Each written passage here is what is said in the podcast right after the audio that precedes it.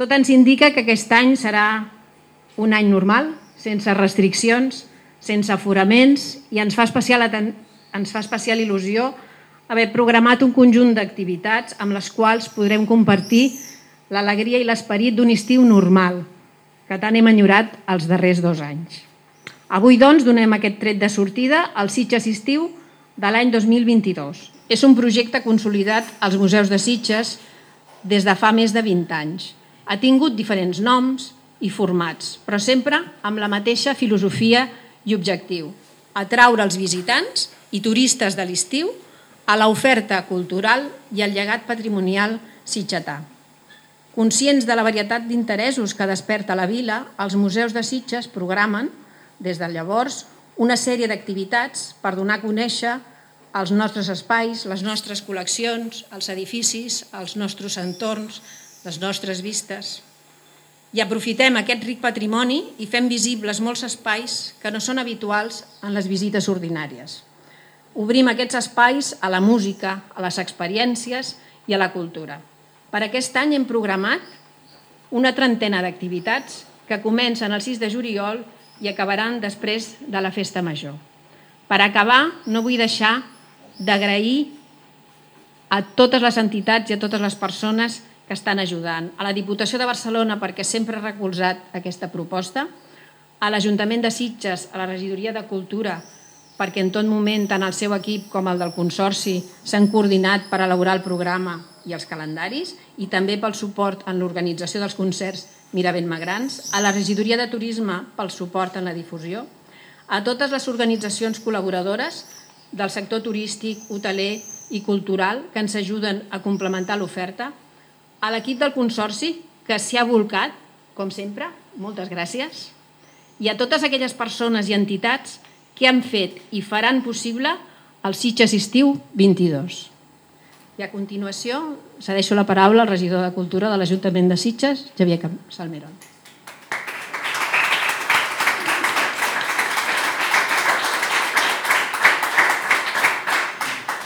Gràcies a totes i tots i totis per ser aquí. Eh, gràcies, Mercè, que de fet aquest, aquest estiu, diguéssim, s'estrena també com a directora en funcions del Consorci de Patrimoni de Sitges i, per tant, del seu primer Sitges Cultural. Per tant, també endavant i força, perquè segur que serà entretingut.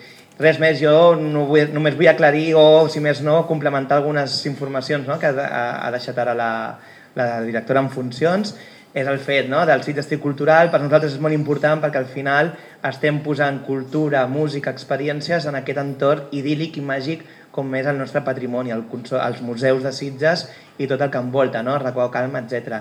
I sobretot aquest any, eh, especial il·lusió perquè deixem dos anys de pandèmia en què us asseguro que ha sigut feina, o ha sigut una, una dura tasca, si més no, la d'haver d'organitzar tot pensant en els aforaments, les restriccions i que cada setmana canviessin les normatives vigents en aquell moment. Per tant, podem dir que aquest any, si tot va bé, perquè jo ja no m'atreveixo mai a assegurar res, uh, si tot va bé podrem gaudir d'un sitge cultural amb tota la seva esplendor, sense haver de restringir aforaments amb el, amb el que teníem previst des del primer moment. No? Crec que és molt important aquesta feina que es fa conjunta entre el Consorci i la Regidoria de Cultura d'intentar complementar tota aquesta programació, aquesta, uh, aquestes activitats que es desenvolupen en aquest espai, que comença al juliol, ho presentem avui perquè fa precisament 91 anys de la mort de Santiago Rossinyol i per tant creiem que era una data molt important i significativa per presentar aquesta programació.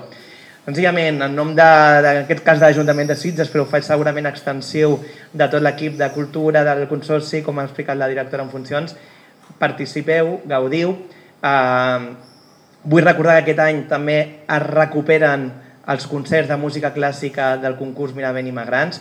També és important remarcar-ho perquè feia dos anys que no es feien aquest concurs i per tant aquest cap de setmana precisament té, té lloc al Casino Prado el concurs, del qual, si no vaig equivocat, hi han 17 formacions que hi competeixen i 38 cantants, dels quals aquests, els quatre guanyadors, diguéssim, sortiran els, els que participaran dels concerts de música clàssica d'aquest juliol ja dic, hi ha activitat de per tots els gustos. També cal dir i cal mencionar, agrair tots aquells agents no? que més enllà de l'Ajuntament o del Consorci, com és la Fundació del Festival de Cinema, les Agis la Fundació de l'Hospital, etc etc. no? com obrim uh, les experiències perquè tothom no només els turistes, els visitants que ens venen a visitar Sitges aquest, aquest estiu, sinó també el públic local, perquè una cosa que ens vam adonar compte en pandèmia és que necessitem molt, molt, molt que els ciutadans i ciutadanes també vinguin als museus i gaudeixin d'això. I un aclariment més, també necessitem que els joves hi vinguin i participin i per això és molt important també que trobem aquestes activitats on puguem vincular-nos a ells, ja sigui en música o en màgia. Res més, eh, convidar a tothom que vingui al Sitges Cultural i que sou benvinguts. Gràcies.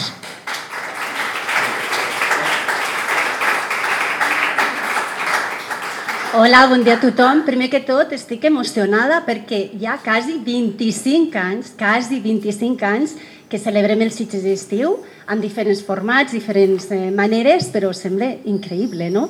que, que haguem estat partícips de mantenir aquest programa. I dit això, només eh, diré tres coses. Una, el per què de la gelosia. Me sento, ens sentim unes privilegiades de gaudir del patrimoni des de dintre. Fa tres anys, en plena pandèmia, que no sabíem si tiraríem endavant Sitges estiu, el protagonisme el va agafar l'assistent, el, el visitant, el, el que participava. Per això la cadira. Si us en recordeu, la imatge d'aquell any va ser la cadira. Vine i senta't i gaudeix. L'any passat eh, van ser les portes vam obrir les portes, per favor, estem oberts, veniu. I aquest any, la gelosia. Per què? Perquè des de dintre hi ha una altra visió del patrimoni i el que ja, ja després de la porta el visitant està dintre per gaudir-ne. I és per això que aquest element arquitectònic tan significatiu que el trobeu a les terrasses el trobareu aquest estiu a tots els nostres suports eh, d'imatge gràfica. Aquesta és la primera cosa que us volia dir. La segona, eh, jo penso que les experiències han vingut per quedar-se. És una aposta de futur. Per què?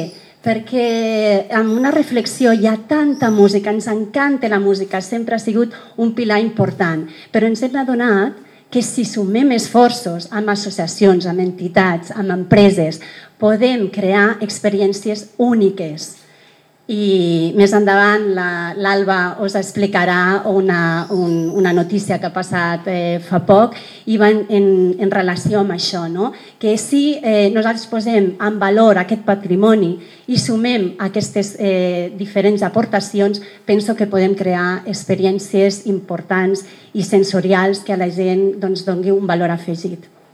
Sí? I la tercera cosa és que recuperem eh, els espais interiors, com és el Saló d'Or, amb l'òpera de Butxaca. És una oferta que eh, en aquest any fem la Bohem i la Traviata i ja sense restriccions sense limitacions ens, pensem que era important doncs, acotar-la i disfrutar-la millor en l'interior. I per això aquest any doncs, eh, aquesta activitat la farem dintre del Palau. Sí? Eh, Després us explicaran les novetats perquè hi ha, hi ha aquí tots els, els col·laboradors eh, i se m'ha anat el sant al cel, perdoneu, que us volia comentar també. Sí, que com a, que com a novetat tenim el, el, la Fundació Stanfley farem un concert de ninot, que és música electrònica. Llavors va adreçat a un públic una mica més jove que habitualment el que un pot tindre en, el, en la ment no? de les nostres experiències. I la tercera novetat és eh, un, un mag, que el tenim per aquí, que és l'Adam, que ens farà una sèrie de, d'un espectacle sobre, sobre aquesta disciplina a la Fundació. Sí? I em sembla, i després una cosa que recuperem també és la visita al vinyet. La visita al vinyet ja feia uns anys que no es feia i la concretarem amb una visita i un concert d'orga a càrrec de, de Salva Monzó. I ja, moltíssimes gràcies per estar aquí. Continuem amb els nostres col·laboradors. Sisplau, Isabel Vivó.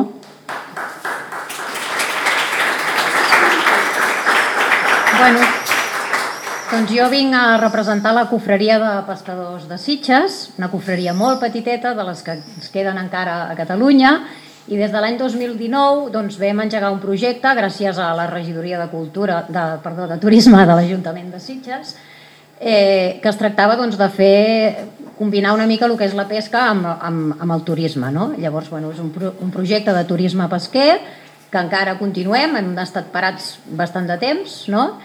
i vam començar precisament aquí amb els museus de Sitges fent una de les primeres activitats que vam fer, combinant doncs, la gastronomia. Tenim la gran sort, som uns afortunats perquè tenim uns grans eh, pescadors que també són grans cuiners i llavors, doncs, bueno, sobretot el que fem és intentar fer un, una fusió entre la part gastronòmica i la part cultural a Sitges. No? I el resultat aquí als museus doncs, va ser una visita que eh, agafant diferents arts de, de pesca, com pot ser una nansa o els catúfols o xarxes, palangres, el que sigui, doncs els vam anar col·locant en diferents sales del, del Museu Maricel, sobretot on hi ha les obres de l'Escola Lluminista relacionades amb la pesca i el mar, i llavors la visita guiada doncs, consisteix en explicar eh, una obra que es veu una nansa doncs, com funciona una nansa i que la gent la pugui tocar i veure realment com es pesca. S'acaba, bueno, es fa tot el recorregut pel Palau Maricel, veient una mica doncs, el mirador, el mar, explicant una mica la, la costa mediterrània, la costa del Garraf, i després acabarem la visita aquest any com a, com a novetat, aquí a les terrasses i el nostre pescador, l'Oriol, doncs ens farà un tas de, dels productes pescats per ell de la temporada, que suposo que seran llagostins, que és el que, el que es pesca ara, al juliol. Eh, i una mica doncs, la idea és aquesta, que sobretot que la gent conegui el que és la, la pesca local a Sitges, que és un, bueno, una entitat que és de les més antigues d'Espanya, que encara es conserven i que valdria la pena que la gent es conscienciés de que d'alguna manera hem de, de tirar endavant i moltes gràcies als museus de Sitges per donar-nos aquesta oportunitat de fer l'activitat amb ells.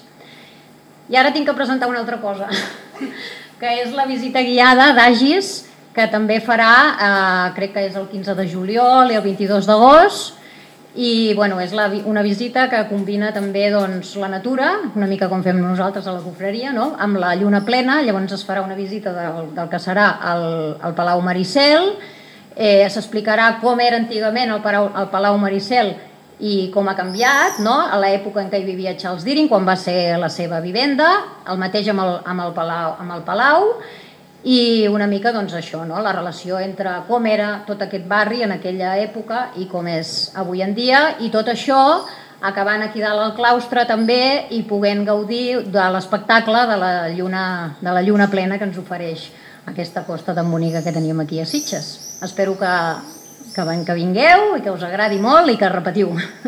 Gràcies.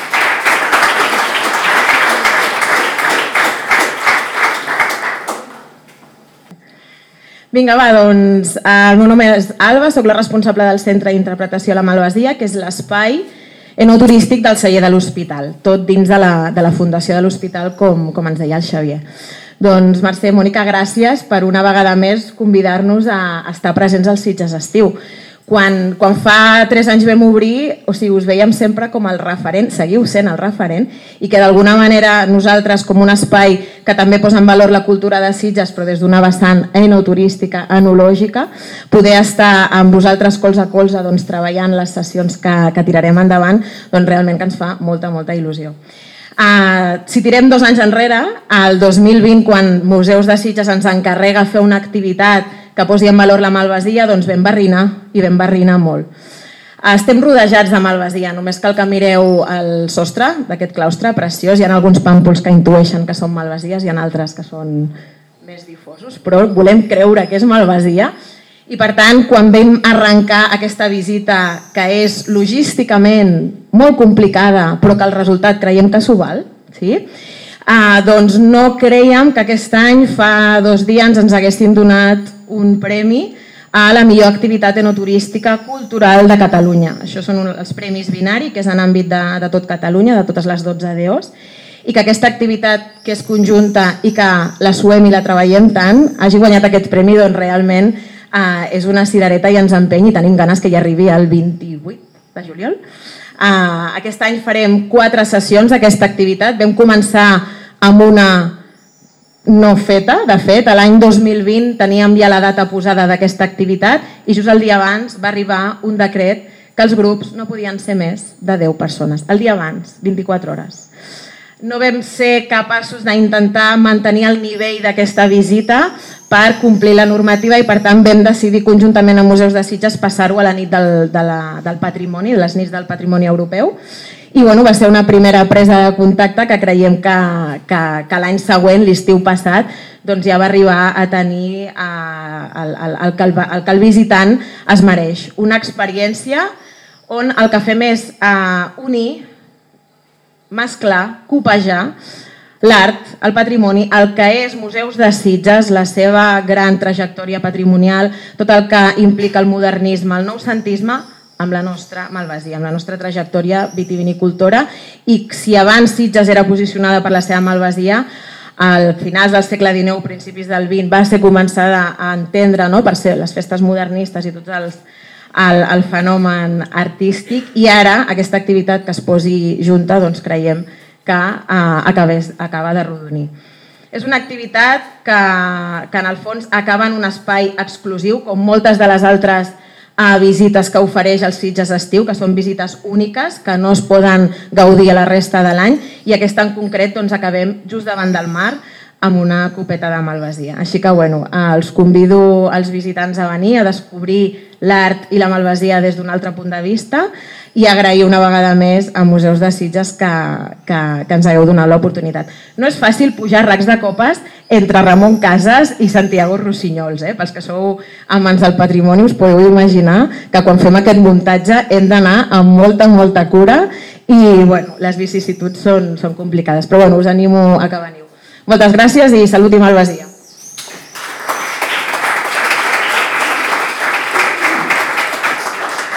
Hola, bon dia. Eh, des del Festival de, de Sitges, de cine fantàstic de, de Catalunya, eh, que es celebrarà del, en octubre. També un plaer col·laborar en, en aquest Sitges estiu, eh, de portar el cinema a, a, los, a los museus, de portar el, el cinema al carrer i a, a, a la gent para que lo, para, en un estiu que és necessari ens retrobem tots i, i també portarem una selecció d'una part del cinema que és molt important, que és el, el curtmetratge, el curtmetratge, curtmetratge fantàstic, evidentment, el curtmetratge de ciència-ficció, de terror, fet eh, majoritàriament a casa i que serà eh, i tindrà una, una sèrie de sessions eh, programades per, per el festival i que intentaran que esos curtmetratges que han passat també per Sitges en, edició, en una edició passada arriben a l'espectador en un context absolutament diferent i jo crec que meravellós com és l'estiu, l'estiu en Sitges, l'estiu en els museus i en els llocs d'aquesta ciutat eh, que es posa la cultura en una qualitat de, de llocs absolutament eh, increïble. Així que cinema, cinema fantàstic, en curtmetratge, també en, en, los, en els Sitges d'estiu i esperem que sigui una mica no, no fastigós, sinó una mica de, de por i de fantasia i de ciència-ficció en els carrers. Així que gràcies. Nos verem ahí.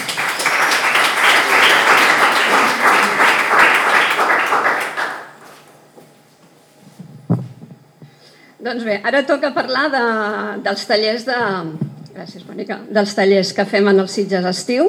Sabeu que cada any doncs, eh, dediquem els tallers a, a la canalla, a la família, però aquest any doncs, també els dediquem eh, als adults. És la primera vegada que eh, oferim aquests tallers que pensem que són molt atractius, ara us els explicaran.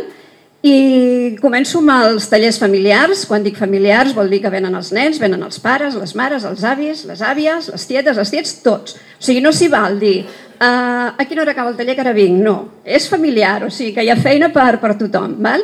I aquest taller familiar, que porta per nom Petits Figurinistes, està relacionat amb l'exposició que s'inaugurarà aquesta setmana a Maricel, a Can Rocamora, que porta per nom Pepito Zamora, un artista de revista. Uh, aleshores, els nens, mm, amb el títol de Petits Figurinistes, farem una visita a lo que és l'exposició, els explicarem doncs, la funció d'aquesta feina de figurinista, de fer vestits per teatre, de revista, eh, de contes infantils, perquè Pepito Zamora també doncs, feia contes infantils i els il·lustrava. Un cop hagin, hagin vist, hagin gaudit de, de, de tot això, anirem al racó de la calma, a les 6 de la tarda, i aleshores en allà tindran, eh, no sé si recordeu vosaltres, que quan érem petits, almenys jo ho recordo, que hi havia eh, uns fulls, amb, eren uns retallables, que hi havia un nino o una nina i tot de vestidets al costat, amb, amb unes pestanyetes que aleshores retallàvem i anàvem canviant els vestits. No sé si ho recordeu, no? Doncs una mica faran això. Uh, tindran doncs, un, uh, una figura uh, treta de, de Pepito Zamora i aleshores ells a sobre d'aquesta figura aniran fent dissenys de vestits que després retallaran i a casa doncs, podran jugar, doncs avui li poso aquest, demà li poso les plumes, després li poso una altra cosa. Sí que el taller anirà sobre el figurinisme. Aquest taller el farem al personal dels museus. Però després hi ha un altre taller que va adreçat amb els nens, que també el vam fer l'any passat, i que eh, va a càrrec de l'Escola de Grallers de Sitges. I ara tenim a Blai Fontanals, que us farà incendis del que faran els nens. Hola, bon... Sí, sí. Bon dia. Bé, eh, des de l'escola l'any passat ja es va proposar fer uns tallers de cara prop de la festa major per fer per, per apropar els nens a, a la música de la festa major mateix, a la música i als ritmes. L'any passat vam fer un de flauta flaviol tipus gralla i de, i, i de timbal gralla. Enguany només fem el de timbal, perquè el de, el de flaviol no va tenir molt d'èxit i per tant sempre és més complicat. Sí, sempre és més difícil, més complicat i als nens els agrada més tocar el timbal, que és efectiu i fas molt soroll molt ràpid, en canvi, la, la gralla has d'estar més, has de tenir més coneixement, no? Llavors, enguany tornem a fer el taller de, de, de timbal de gralla orientat cap als nens. En aquest taller, bàsicament, el que s'ensenya és agafar les baquetes per poder tocar el timbal, a començar l'inici dels tocs de, de, de timbal i al final si tot va bé i tot es correspon, s'acaba tocant sobre música enllaunada, però sense timbal, música de la festa major. D'aquesta manera, a més els nens s'aporten tot un material didàctic cap a casa, el qual els pares estan molt contents perquè llavors poden tocar a casa i inflar-los al cap també. Eh? I llavors bueno, és una manera d'acostar-los al, al folklore d'aquí Sitges que, que, que és molt important i de fet molt agraïts als museus per, per, per comptar amb nosaltres perquè ens agrada molt animar la quitxalla a que, a que s'engresquin aquest món bàsicament això Vinga.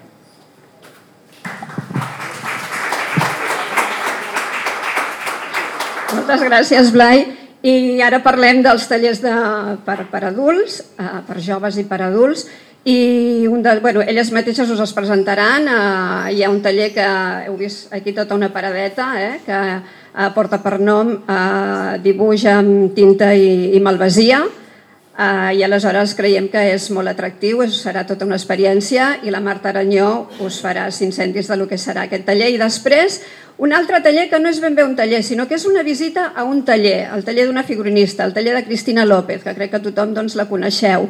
I ella us explicarà què és el que farem en el seu taller, què és el que veurem, que també serà doncs, una, una proposta molt, molt atrevida i molt, molt interessant. Doncs la, la Marta, si, si vol venir... Ah, mira, estàs aquí. Bon dia. Moltes gràcies, sobretot als museus, per convidar. Ah, que m'apropi. Ui, això no és el meu, eh? Gràcies. Ara, molt bé. Doncs, moltes gràcies. Eh, volia agrair als museus per haver confiat en mi i portar aquesta activitat al Sitges Estiu. Volia agrair també al CIM perquè realment jo em dedico a pintar amb vi i amb ells vaig descobrir el pintar amb malvasia, tota aquesta història que té per vosaltres la malvasia i que és tan bona i que a més a més amb aquest taller que us presentaran des de Sitges Estiu i que us faré tenir el ple de poder-vos fer jo el dia 11 d'agost a la tarda, és un taller per adults, podreu pintar amb malvasia. O sigui, tots ja aquest patrimoni que teniu vosaltres amb la malvasia i que és tan bona, a la vegada el podreu tenir de record amb un paper, amb una llàmina. I bé, és una activitat per gaudir, no és cap classe de dibuix, és per passar-nos-ho bé, per passar una estona veient quin color té la malvasia en el paper, què podem crear. Avui, quan feu una copeta, teniu aquí una mica de mostra, des del museu us han preparat uns punts de llibre amb un paper especial i hi ha un bol que hi ha malvasia. Passa que la malvasia, per poder pintar, hem de fer un taller, hem de posar-hi tinta, hem d'estar una estona treballant perquè té un color molt daurat, molt maco, però a la vegada també costa una mica de que agafi en el paper. I us he portat vi, que és el que habitualment jo faig als tallers. O sigui que si teniu ganes, si esteu creatius, podeu passar després per aquí a aquest petit estant i podeu provar-ho. I si no, ens veiem el dia 11 d'agost en l'activitat. Us espero. Gràcies.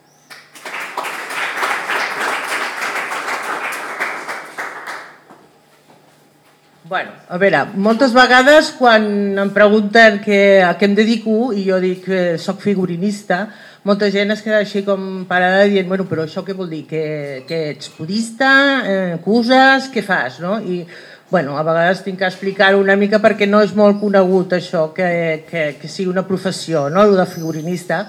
I gràcies a aquesta exposició que faran del Pepito Zamora, eh, doncs descobrirem la, la, la professió d'un figurinista, no? el que fa, no? que és, que és la, la, eh, a partir d'uns dissenys, uns dibuixos, eh, com, es, com es fa un, un, un vestuari de teatre, no?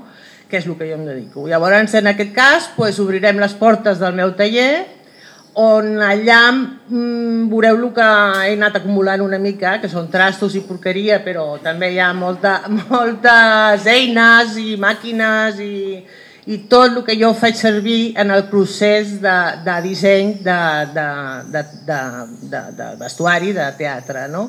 Llavors, eh, bueno, veureu totes les coses que tinc, el que farem pràctiques i segurament acabarem fent el que és un, un barret, no? perquè també ara estic fent barrets i podem fer el procés de, de, de fabricació d'un barret. I ja està, que moltíssimes gràcies per, per haver comptat amb mi i que la, teniu les, les portes obertes del meu taller.